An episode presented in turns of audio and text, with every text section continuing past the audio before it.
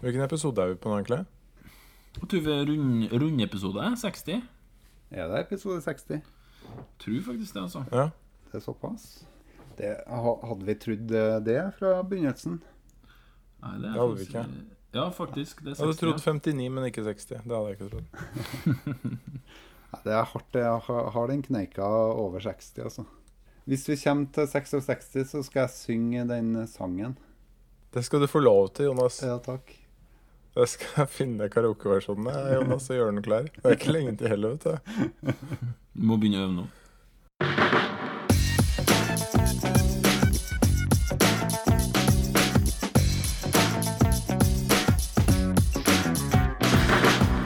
Du hører på Psykologlunsj, populærvitenskapelig lunsjprat med psykologene Tommy, Jonas og Jan Ole.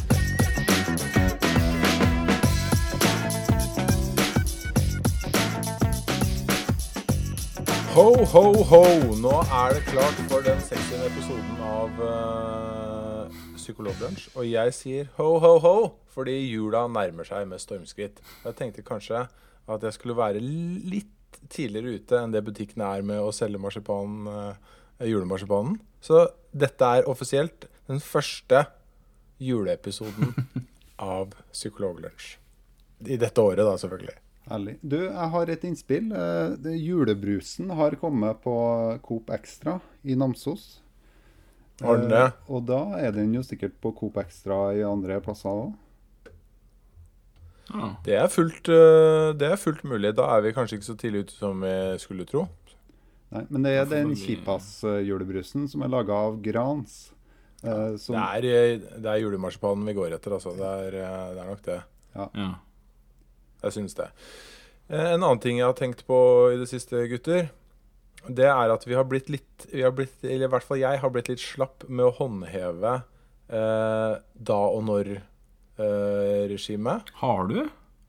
ja. Så gledelig. Og i tillegg, i tillegg så har jeg hørt et par eh, episoder nå i det siste hvor det er helt åpenbart at eh, eh, bøyingen av studiet, studie, altså en studie, eh, det må tas kontroll på igjen. Ja, jeg har bare begynt Jonas å si er en stor, stor bare, synder. jeg har bare begynt å si eksperiment i stedet, for å bare unngå hele greia. Ja, ikke sant. Ja, men det er, det er en god strategi, det. Nei, men Så jeg tenkte at jeg måtte gjeninnføre det, rett og slett. Ja. Uh, Eh, eh, at vi passer på at vi sier eh, da og når. At vi bruker disse begrepene riktig. Og at uh, vi sier en studie når vi snakker om eh, studier av uh, menneskets uh, sinn. Men vi har, vi har kommet oss ganske bra på i forhold til, da. Det, det, er, det er borte. Ja, det er kanskje det? Ja, det tror jeg er ganske bra. Det er en oppfordring. Hvis du, hvis du som lytter greier å samle fem i forhold til, så blir det Kvikk Lunsj. Oi, oi, oi, fra ja. nå av. OK. Ja. Ja, og, og nå er de gjør det Feil bruk av i forhold til, da, ikke sant? Har de fjerna eh, palmeoljen Mm. fra Kvikk Lunsjen nå? Så det er liksom Har de det? Jeg, jeg tror det. Så det Jeg Ja, okay. tror det Ja, så det er, det er en legitim Det er en, det er en helt grei premie å gi. Det er helsekost. En tredje ting En tredje ting eh, som vi også må passe på, er eh, varsomhet ved freestyling. Altså da mener jeg når vi prøver Når vi tenker at vi har komisk talent, og vi begynner å prøve å være morsomme i ganske sånne lange sekvenser, hvor vi eh, uten manus prøver å være veldig morsomme, da er det også viktig at noen sier fra. Så jeg tar gjerne på meg den rollen Det har du alltid gjort. og sier fra. Men også, har du en, og så får dere også si fra. Har du en tidsgrense på det, da, eller er sånn det? For vi må jo kunne late som vi er morsomme litt. En liten kort stund. Nei, ja, det, det, det tar man litt sånn på sparket. Ja, 30 Men eh, til 60 i det store sekunder. hele så er det jo ikke mye vi har å gå på der. Nei, det er Det er sant. det ikke. Men uh, Vi er ikke teatersportutøvere. kanskje vi kan runde av sånne morsomhetssekvenser med sånn, eh, sånn outro-musikk som de har på uh, awards. Ja. Det er ikke så dumt at vi bare slenger i gang noe sånn uh, lett jazz. Uh, Eller sånn Det er som bare i tåke, bakgrunnen, sånn- Ja, det det er ikke så diskré. Nei, det er ikke så diskré. Ja, Ok, nå er vi i ferd med å begynne å freestyle igjen allerede. Eh, jeg setter, velger å sette en stopper for det. I dag så skal Psykologlunsj eh, handle om to ting. Jonas, du skal fortelle om bruken av folkeopplysende elementer i såpeserier. Og det er det selvfølgelig gjort eh, forskning på, tilsynelatende. Ja da. Det vil jeg veldig gjerne høre om. Ja, takk. Og så skal, så skal. Jonas Ja, det det, er jo, det er jo helt fantastisk eh, at det finnes noen som har brukt eh, tid og antageligvis statlige midler på eh, å undersøke det. Ja. Og Tommy, du skal snakke om en bitte liten del av menneskets kognitive evner som handler om hukommelse. Yes. Det skal jeg. Ja. Jonas, Ja. Hva sier denne studien som du eh, har funnet om bruk av folkeopplysende elementer i såpeserier? Jo da, det, eh, nå har jeg hatt eh, en ukes eh, høstferie sammen med mine eh, svigerforeldre. Eh, som liker å se på TV, eller se på TV, i prime time. Eh, gjerne da på TV2 eh, og serien Hotell Cæsar. Eh, og Hotell Cæsar, eh, for dem som ikke vet det, så er det en såpeserie som går på TV2. Den starta rundt uh, ja, slutten av 90-tallet, vil jeg tro. Uh, hvor det var bl.a. en, som, en karakter som het Ninni Anker Hansen. og hvor eh, og hun har jo eh, Det så jeg nå på siste Hotell Cæsar-oppdatering, er jo at hun Ninni Anker Hansen har kommet tilbake. Hun kom tilbake fra å ha vært i fengsel over lengre tid. Uvisst hvorfor, eh, men tydeligvis så er hun tilbake i serien. Eh, På ordentlig? Vært i fengsel på ordentlig, eller på, på lat i serien? Eh, nei, hun Ninni Anker Hansen, det, det er det som er spesielt med såpeserier, er at det er, er, er fiksjon. da. Så at, eh, sånn at de som er hjemme der, de, de, de eksisterer ikke Jo. ordentlig. Men nå var spørsmålet mitt om hun som spiller Ninni Anker Hansen, uh, uh, var uh, satt inn og bura inne. Ja, du tenker på hun, hun, hun med krølla hår. eh, Et eller annet hoff. For nå er hun på Det kan jo hende at du er i fengsel fortsatt og har samfunnstjeneste. Eh, men i hvert fall så mener jeg å ha hørt henne på morgenshowet med Loven og co. Tror jeg. Nei? Eller er det det andre? I hvert fall ett av dere morgenshowene på Radio Norge. Nå, eller hva nå det heter. prater du bare vås, Jonas. Jo, hun er, Jonas Vås. hun er på Radio Norge. Ja, hun er på Radio Norge, ja. Mm. Ja. På, med, okay. ja. på morgenshowet der. Og jeg vet ikke hva hun heter, da. Men i hvert fall eh, Ja, hva heter hun skuespilleren? Er det ikke et eller annet hoff, da? Hoff? Det er jo Juni Anker Hansen. Å ja, ja, det, å ja, det var hun andre, ja. OK. Ja, Det er noen Ja. tiår siden jeg så Hotell Cæsar. Ja, det er nettopp det var det til meg òg, men eh, jeg husker på at hun heter Juni, for hun, hun er jo gift Stemmer med. Nils Ole Oftebro. om hun. Mm. Men hun andre krølltoppen, hun, Ja, hun, hun har ja. blitt bytta ut. Og det er en, an, det er en annen skuespiller, eh, skuespillerinne da, som er, som er den karakteren nå. Uh, men i hvert fall, det er ikke det, uh, det Den studien jeg skal snakke om, handler ikke om det. Uh, men det var liksom en et, et, I radioformatet så bruker man å liksom ha en åpningssekvens da, hvor man snakker om noe dagligdags. Og så går man over til den studien, og det, det det jeg bruker som en sånn eh, slags sånn overgang. Bru, da, som det kalles på radiofaglig språk, tror jeg.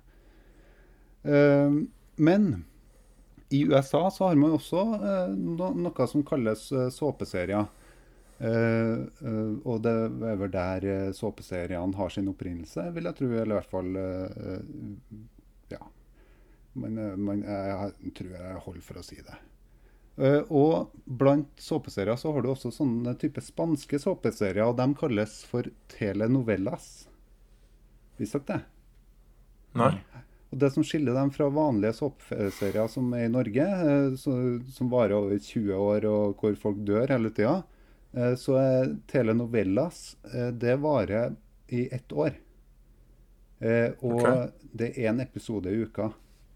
Og til motsetning fra Hotell Cæsar så er handlinga sånn at den eh, er at handlinga er gitt eh, fra den settes i gang i første episode til det avsluttes etter et år. Eh, så manuset er liksom ferdigskrevet, da.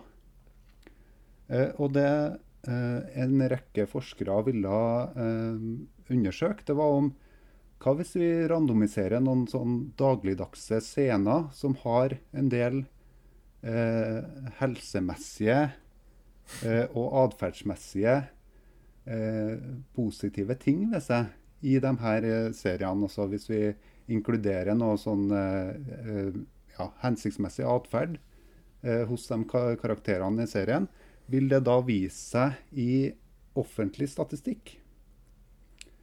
Og da, da gjorde de eh, Blant annet så hadde de en scene som handla om viktigheten av å ha et lavt kolesterol. eh, og farligheten ved å drikke og kjøre. Altså drikke først, og så kjøre etterpå. Eh, og viktigheten av å gå inn og så søke på stipend for spansktalende studenter. Eh, og det viktigheten av å gå og registrere seg for å stemme. Altså re register for voting. Og så det, det var blant annet eh, Det var 23 ulike scener hvor det var uh, fire blant de åtte forskjellige tingene som de inkluderte i den serien. Uh, og de randomiserte på en sånn måte at, uh, at de scenene ble klippa inn i det telenovellas-seriene sånn tilfeldig da, i løpet av, i løpet av det året. Så det, det, det var jo ganske interessant.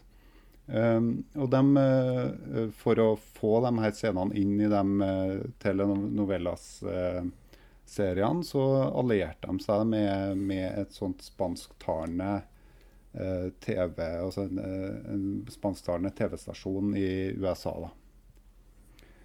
Eh, litt uh, fun facts om telenovellas. Uh, visste dere at Ricky Martin kjent, uh, altså ble først kjent etter å ha vært med i en uh, telenovella? Visste ikke heller. Jeg skal ærlig innrømme at det visste jeg faktisk. Det gjorde du? Det. Og, og Salma Hayek, også kjent uh, som uh, ja, den fine dama i, i From Dusk Till Dawn. Desperado. Og From Dusk Till Dawn. From Dusk ja, og From Dusk Till Dawn som Santanico Pandemonium i From Mm. Dusk Till Dawn, ja. Med Tarantino og George Clooney. Eh, hun også, ble også først kjent etter å være med i en sånn uh, telenovella. Uh, Men det var ikke dem som spilte i denne her, eh, altså i denne telenovellaen som, eh, som eh, ble brukt i denne studien. Eh, Men eh, den eh, serien som, eh, som inkluderte de her ulike scenene, eh, ble sett av rundt 1,2 millioner seere i uka. Så de, mente at eh, hvis, eh, hvis eh, serien påvirka atferd hos, eh, hos seerne, så ville de også kunne se det i offentlig statistikk. Eh, og det de gjorde, da, var å, å, å mm, se på bl.a. Det var en sånn nettside eh, hvor, eh, hvor studenter kunne gå inn og registrere seg for å kunne få stipend for å, være, for å gjøre høyere utdanning. Da. Eh, og denne nettsida var en del av den der, uh, den der, uh, den der um, scenen. og og etter, etter de kjørte den episoden, så sjekka de hvor mange er det som besøker denne sida etter, etter denne scenen ble vist. Og da, da så de jo en enorm peak i, i antall besøkende rett etter denne episoden. Eh, så, så de så liksom en signifikant endring i antall besøkende til denne sida. da. Eh, Men det de også så, var at uh, denne effekten den varte jo usedvanlig kort. Det var jo bare rett etter episoden ble vist. Eh, akkurat det samme så de på alle de andre elementene også. Det var hensiktsmessig. Det virka som det hadde en liten påvirkning på statistikken akkurat i, i området hvor denne, eh, de her episodene ble vist, men effekten ga seg ganske raskt. Eh, Så, så studien eh, som, som tok for seg de her ulike scenene, eh, de mener å kunne vise at det kan påvirke atferd hos, hos andre mennesker på en positiv måte, men ingen langvarig effekt ses av akkurat det her. Så det var jo ganske interessant. Eh, en annen debatt som har dukka opp i etterkant av det her, er jo at her er det 1,2 millioner seere som har vært med i et, eh, en studie. Eh, og har de gitt informert samtykke om å ha vært med på denne studien? Eh, nei, det har de ikke. Det har de ikke. Så, så det, det har blitt en interessant debatt i etterkant. At eh, kan man eh, forsøke å manipulere seere av en spansktalende såpeserie på en sånn måte uten at man har gitt informert samtykke om det? Hva tenker dere om det? Jeg tenker jo veldig ofte at eh, jeg synes kanskje at en del av de eh, personvern- eh, og informert samtykke-reglene knyttet til forskning er litt for strenge, og kanskje i noen tilfeller hindrer eh, god forskning. Mm. Vel Tenker jeg. talt. Vel talt. Uh, så så uh, jeg skjønner jo at det, den prinsipielle diskusjonen dukker opp i kjølvannet av dette, og også det som skjedde med Facebook for ikke Mm. sånn altfor lenge siden, hvor de prøvde å manipulere Se hva som skjedde da de manipulerte nyhetsstrømmen til forskjellige brukere. Jeg skjønner at de diskusjonene dukker opp, og kanskje er ikke liksom Facebook-forskning og effekten av eh, av uh, folkeopplysende elementer i såpeserier det aller viktigste. Så jeg ville kanskje eh, tørre å påstå at det kanskje her er det viktigere å samle inn dette informerte samtykket. Men i en god del tilfeller så er det nok et hinder for god forskning, altså. Eh, nå, av debatten sånn i etterkant eh, har jo òg handla litt om at i de her uh, type såpeseriene så har det også tidligere vært uh, inkludert masse sånne eh, elementer hvor man har oppfordra til mer sånn helsefremmende atferd. da. Men da har ikke det vært en del av en studie. Sånn at, sånn at de diskuterer om hvorvidt kanskje det er en trøtthetseffekt òg i den her blant de her telenovellasene. At, eh, at te tematikken i de her ulike seriene eh, har som ofte en sånn, sånn god moral. Da. Uansett så, eh, så, så de merker kanskje ikke noe stor forskjell på akkurat de elementene som ble tatt inn, og det som egentlig er der fra før. Eh, en annen interessant ting er jo om hvorvidt de kanskje kunne ha målt det her uten å ha inkludert de her scenene. Altså, De kunne jo gått gjennom de episodene i forkant med eh, altså, Man kunne ha lest gjennom ulike manuskript, og så man kunne ha uh, sett på de ulike episodene med de scenene som eksisterte fra før. Og så sett om de påvirker atferd gjennom statistikken. Man, man trenger jo ikke nødvendigvis å inkludere eh, nye, eller, altså enkelte nye elementer eh, nødvendigvis. Så at, eh, sånn at diskusjonen er- handler om hva trenger man egentlig å manipulere og endre, endre innholdet hvis kanskje innholdet er der allerede fra før. Det er interessant. Jeg syns, jeg syns det er en rar diskusjon, jeg må jeg ærlig mm. talt innrømme. For du blir jo presentert for informasjon der som du ikke har gitt ditt informerte samtykke til å motta i utgangspunktet. Altså Hver gang du setter deg ned foran TV-en, så får du se ting eh, som du ikke nødvendigvis hadde regnet med å se, og som du ikke har gitt ditt samtykke til eh, å få se, og som påvirker deg følelsesmessig.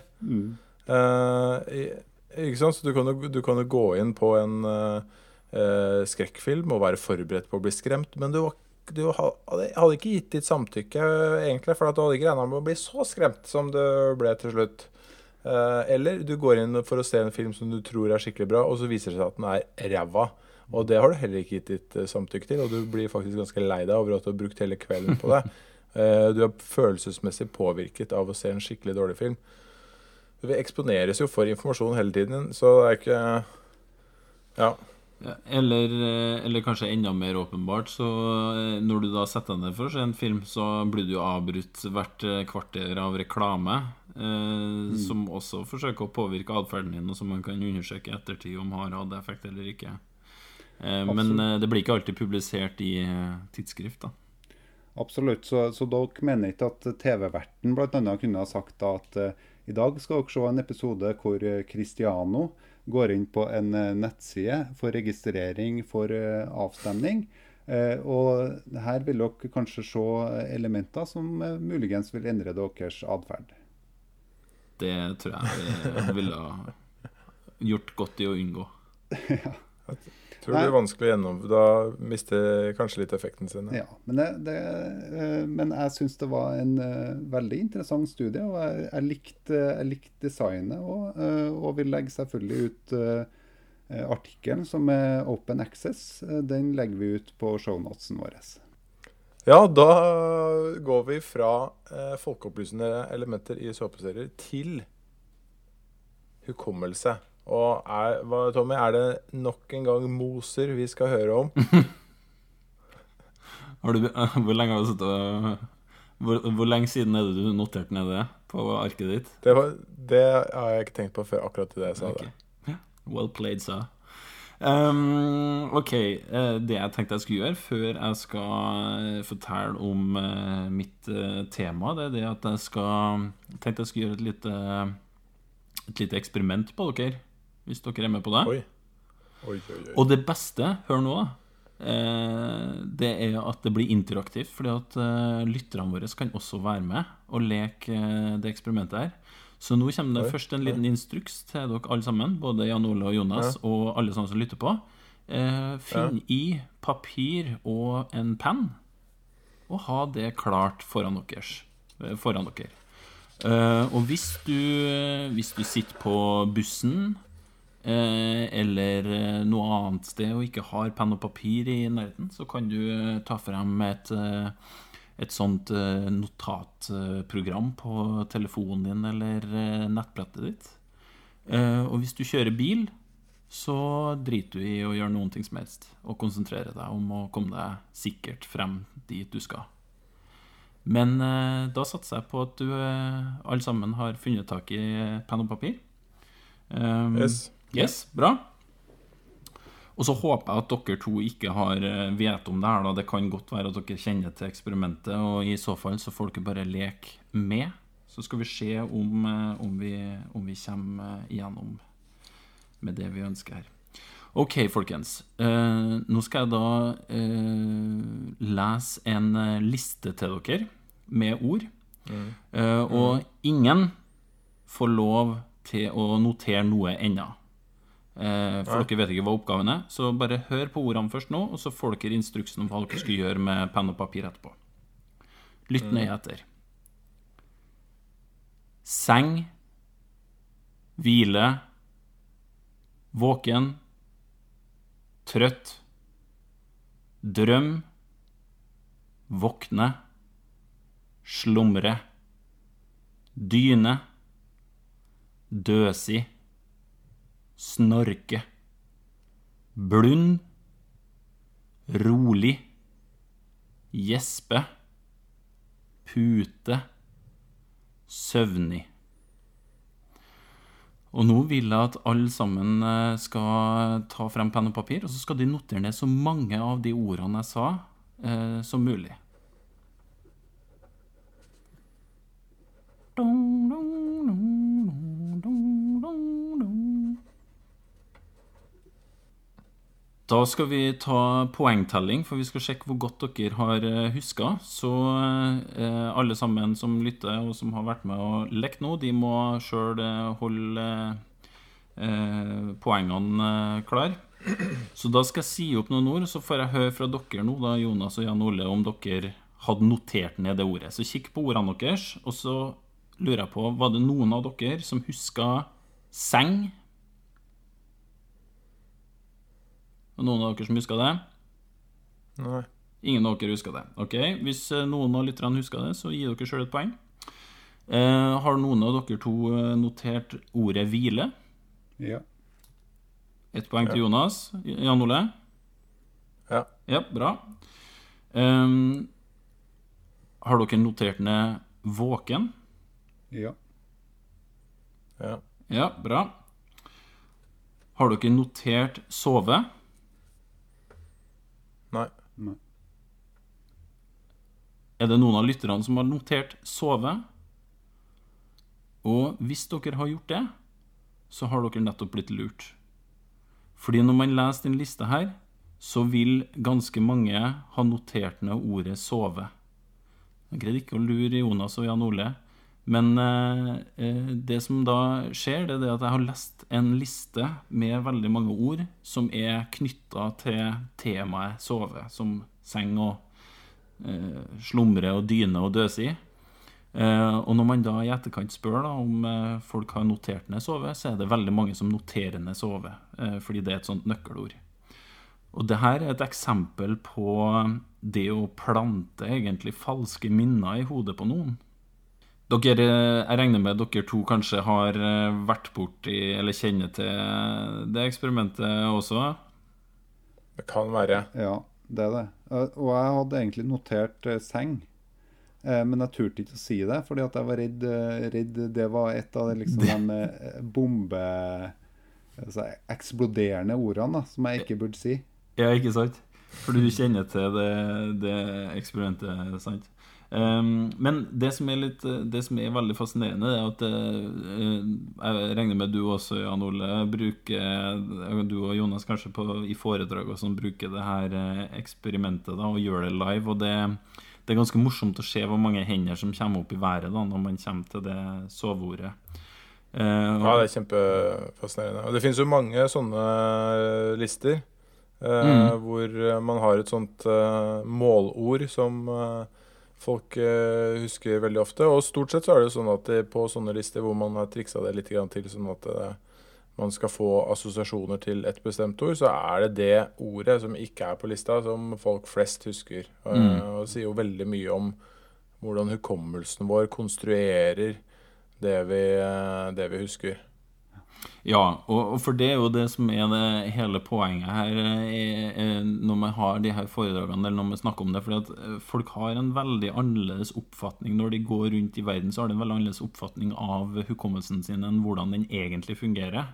Fordi folk har en tanke om at, de, at hukommelsen er et slags sånn eksakt eh, en eksakt kopi av hva som faktisk foregikk. At det er et slags eh, nesten som et sånn kamera eller et båndopptak som, som tar opp nøyaktig hva som skjer. Eh, men det er ganske mye vi vet da, som, eh, som tyder på at det er langt ifra sannheten. da. Eh, og at hukommelsen vår er ganske så mye mer påvirkbar enn det vi egentlig tror. Um, og det er faktisk også sånn at uh, når, vi, når vi da prøver å lagre et minne, eller, eller har lagra et minne, og vi tar det fram igjen som, Altså hver gang du hver gang du tenker på en eller annen hendelse som eh, eh, første skoledagen din, f.eks., så, så tar du frem minnet, og så, og så gjør du det litt annerledes. Og så når du lagrer det igjen, så er det ikke det samme minnet. Så jo flere ganger du liksom har, har huska på minnet, så, så har du forandra det litt hver gang. Eh, og det kan gjøre at eh, at, eh, at man, hvis man tenker tilbake på viktige hendelser, og man snakker med andre mennesker som også var til stede, så, så kan man ofte få en litt annen oppfatning Eller man har ulike, ulike versjoner da, av det sa- samme. Um, og det her, det her eh, At minner er såpass påvirkelige, og at man også kan eh, lage sånne falske minner, da, det, det var noe vi kanskje ikke var så veldig klar over eh, før uh, utpå 70-tallet, uh, hvor det virkelig braka løs med forskning på det.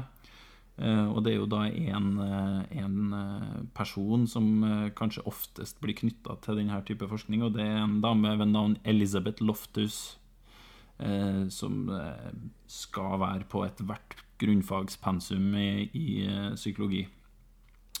Eh, og Jeg tenkte jeg skulle nevne noen av de, de eksperimentene som, eh, som Loftus eh, gjennomførte, fordi de er ganske eh, de er, ganske, de er ganske morsomme, men så er det jo også ganske skremmende da, hvis du tenker litt på hvilke konsekvenser denne kunnskapen vi vet om minner medfører. Eh, et av de klassiske eksperimentene hun gjorde, det var det, var det at eh, hun lot eh, folk få se eh, en video eh, av eh, en bilulykke. To biler som krasja i hverandre. Eh, og det var forskjellige versjoner av den videoen. Det var biler som kjørte i ulike hastigheter. Og så når de hadde sett videoen, så ble de etterpå spurt om, eh, om de kunne anslå hvor fort bilene kjørte når de krasja i hverandre.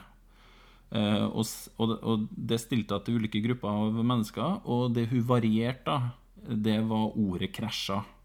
I noen tilfeller så sa eh, hvor, hvor fort kjørte bilene når de krasja i hverandre. Andre gang så, så kunne hun si 'dunka borti hverandre', eller, eh, eller eh, 'kom borti hverandre'. Sånn at du brukte på en måte ulike hva skal jeg si, eh, det er ord som, eh, som beskrev sånn ulike hastighet, egentlig, da, om de smelte inni hverandre, eller om de bare bompa borti hverandre.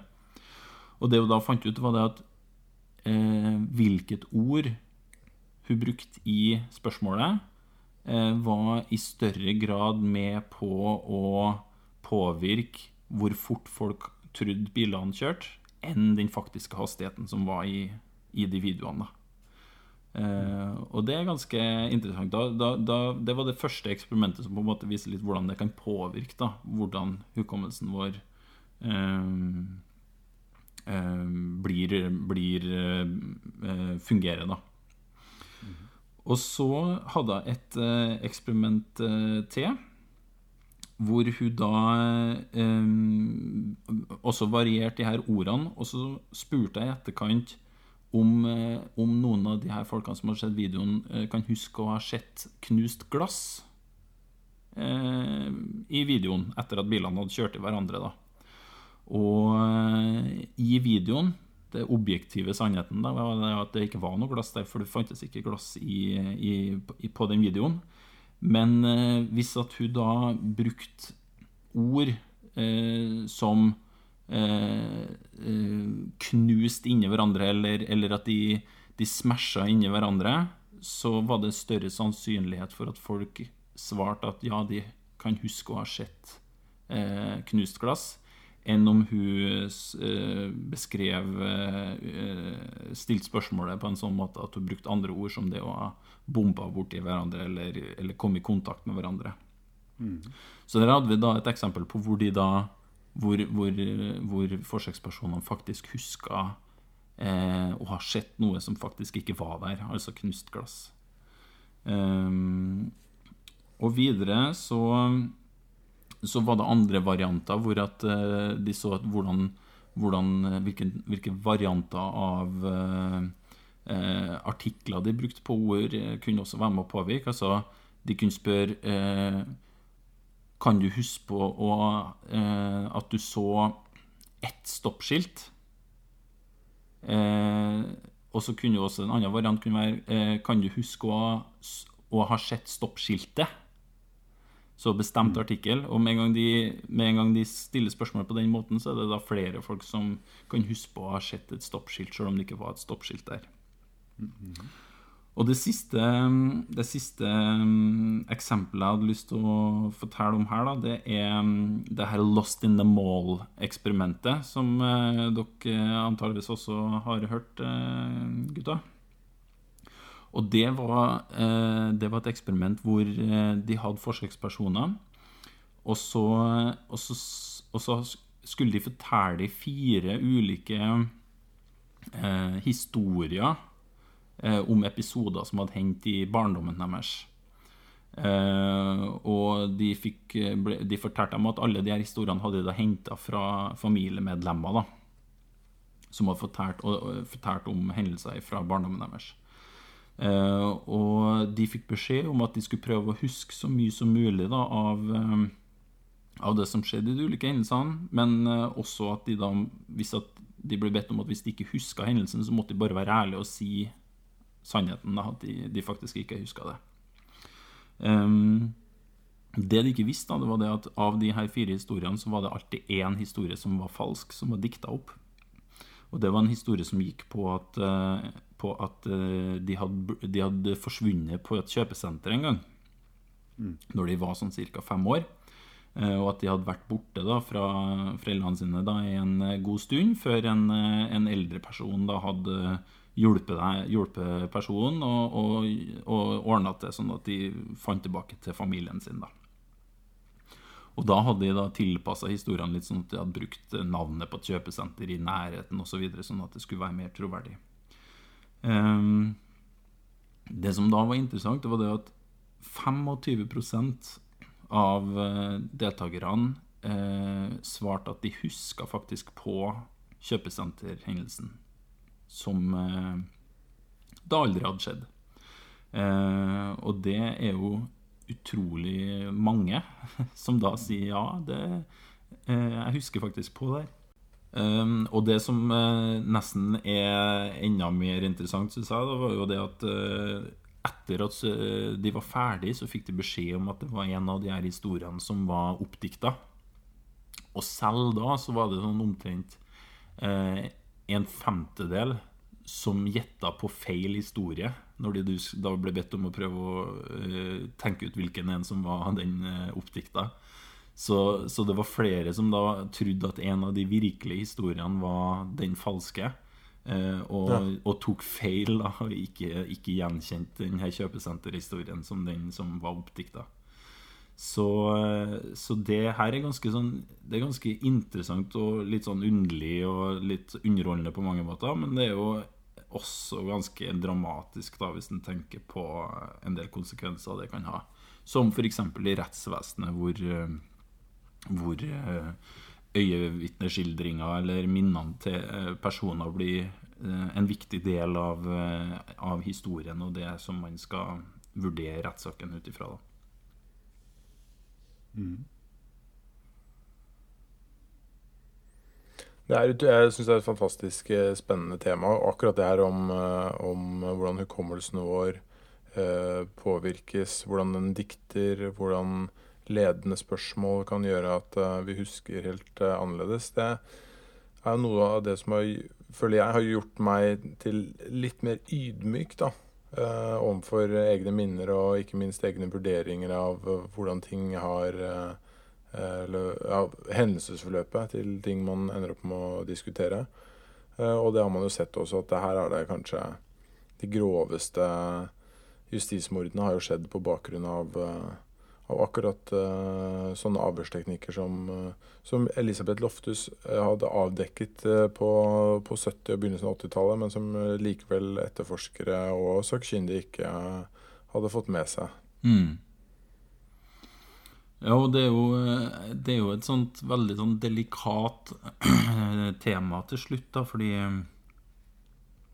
når vi både vet det, at eh, minner kan produseres, eh, og så er det samtidig også sånn at det, det er mange ganger at eh, man trenger å få fram, eller prøve å finne tak i hva, hva som egentlig skjedde, og vi vet også at um, det ikke er alltid sånn at man oppdager altså, ta, ta, Det var et, en, en plass jeg leste nå nettopp om det her med at uh, i psykisk helsevern så er det veldig mange pasienter som har vært utsatt for traumer eh, hvor det ikke blir oppdaga. Altså, de blir ikke spurt om det, og de blir ikke, de blir ikke vurdert og undersøkt for det.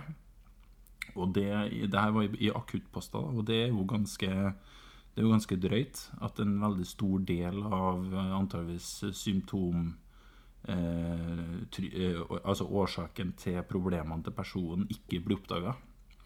Eh, og sånn skal det jo ikke være. Man skal jo prøve å få tak i den, den eh, historien som pasienten sitter med. Uh, og her tenker jeg det det her blir jo sånn kjempevanskelig ikke sant? når man begynner å komme inn i, inn i det temaet her om eh, Vi har på den ene sida så vet vi det, og det, det gjør at man vil jo gjerne jobbe mer aktivt med å prøve å få tak i den, den historien til personen. Og så er det på den andre sida så har man sånn type forskning som gjør at man kanskje skal være litt varsom og, med å spørre på enkelte typer måter. Da. Det er jo det, det, det, det som kommer ut av denne forskninga, at man, eh, det er enkelte ting vi har funnet ut at vi kanskje da ikke skal eh, Spørsmål som ikke skal stilles på enkelte måter osv.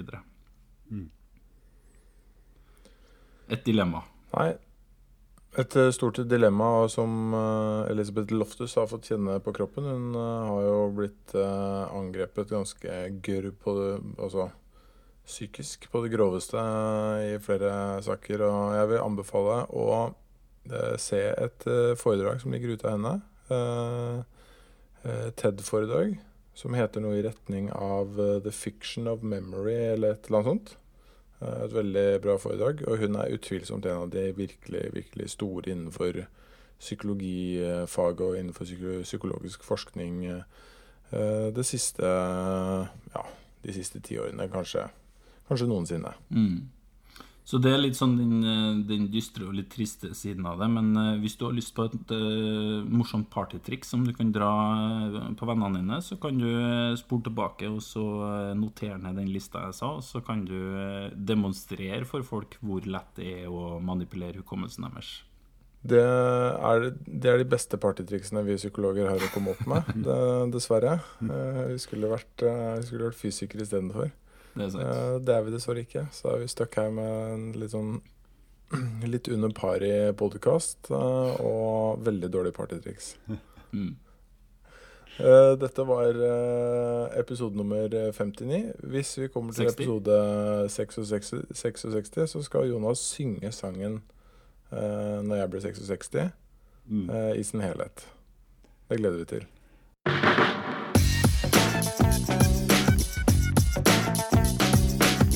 Du har nå lytta til Psykologlunsj. Har du noen spørsmål, kan du søke opp Psykologlunsj på Twitter, eller du kan sende en e-post til psykologlunsj alfakrøll gmail.com.